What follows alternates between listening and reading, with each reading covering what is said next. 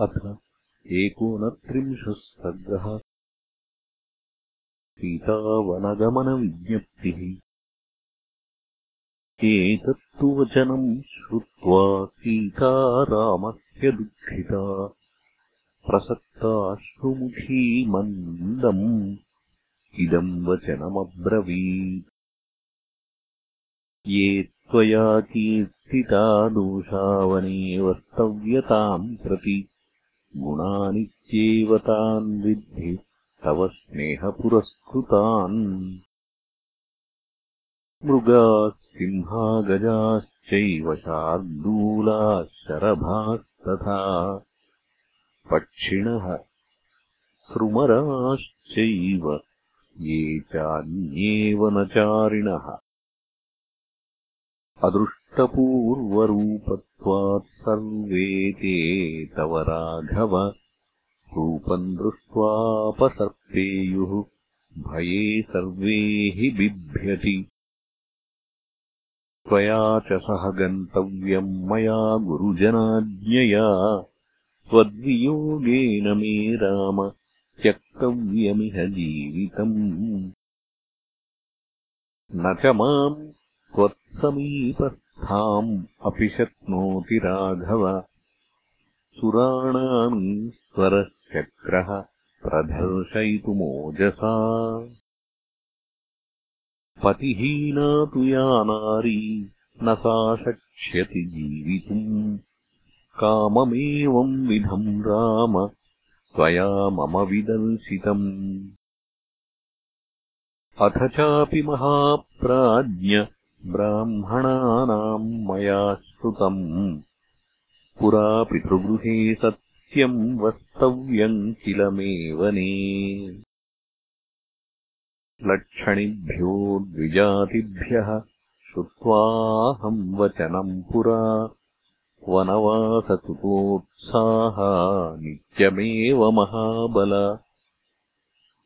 आदेशो वनवासस्य प्राप् व्यस्तमया किल सा त्वया सह तत्राहम् यास्यामि प्रिय नान्यथा। कृतादेशा भविष्यामि गमिष्यामि सह त्वया। कालश्चायम् समुत्पन्नः सत्यवाग्भवतु द्विजः। वनवासेऽभिजानामि दुःखानि बहुधा किल प्राप्यन्ते नियतम् वीर पुरुषैरकृतात्मभिः। कन्यया च पितुर्गेहे वनवासः श्रुतो मया भिक्षिण्याः साधुरुक्ताया मम मातुरिहाग्रतः। प्रसादितश्च वै पूर्वम् त्वम् वै बहुविधम् प्रभो गमनम् वनवासस्य काङ्क्षितम् हि सह त्वया। कृतक्षणाहम् भद्रन्ते गमनम् प्रति राघव। वनवासस्य शूरस्य चर्या हि मम रोचते।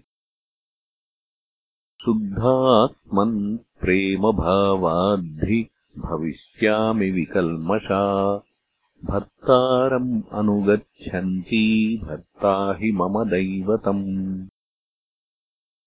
प्रेत्यभावेऽपि कल्याणः सङ्गमो मे सह त्वया। श्रुतिर्हि श्रूयते पुण्या ब्राह्मणानाम् यशस्विनाम्। इह लोके च पितृभिः या स्त्री यस्य महामते अद्भिर्दत्ता स्वधर्मेण प्रेत्यभावेऽपि तस्य सा। एवमस्मात् स्वकाम् नारीम् सूक्ताम् हि पतिव्रताम्। नाभिरोचयसे नेतुम् त्वम् माम् केनेह हेतुना भक्ताम् पतिव्रताम् दीनाम् माम् समाम् सुखदुःखयोः। नेतुमर्हसि काकुत्थ समानसुखदुःखिनीम्। यदि माम् दुःखितामेवम् वनम् नेतुम् न चेच्छसि विषमग्निम् जलम् वाहम् आस्थास्ये मृत्युकारणात् एवम् बहुविधम् तम् सायाचते गमनम् प्रति। नानुमेने महाबाहुः ताम् नेतुम् विजनम् वनम्। एवमुक्ता तु सा चिन्ताम् मैथिली समुपागता। स्नापयन्तीव गामुष्णैः अश्रुभिर्नयनच्युतैः चिन्तयन्तीम् तथा ताम् तु निवर्तयितुमात्मवान्। ताम् रोष्ठीम् स तदा सीताम् काकुत्स्थो बह्वसान्त्वयत्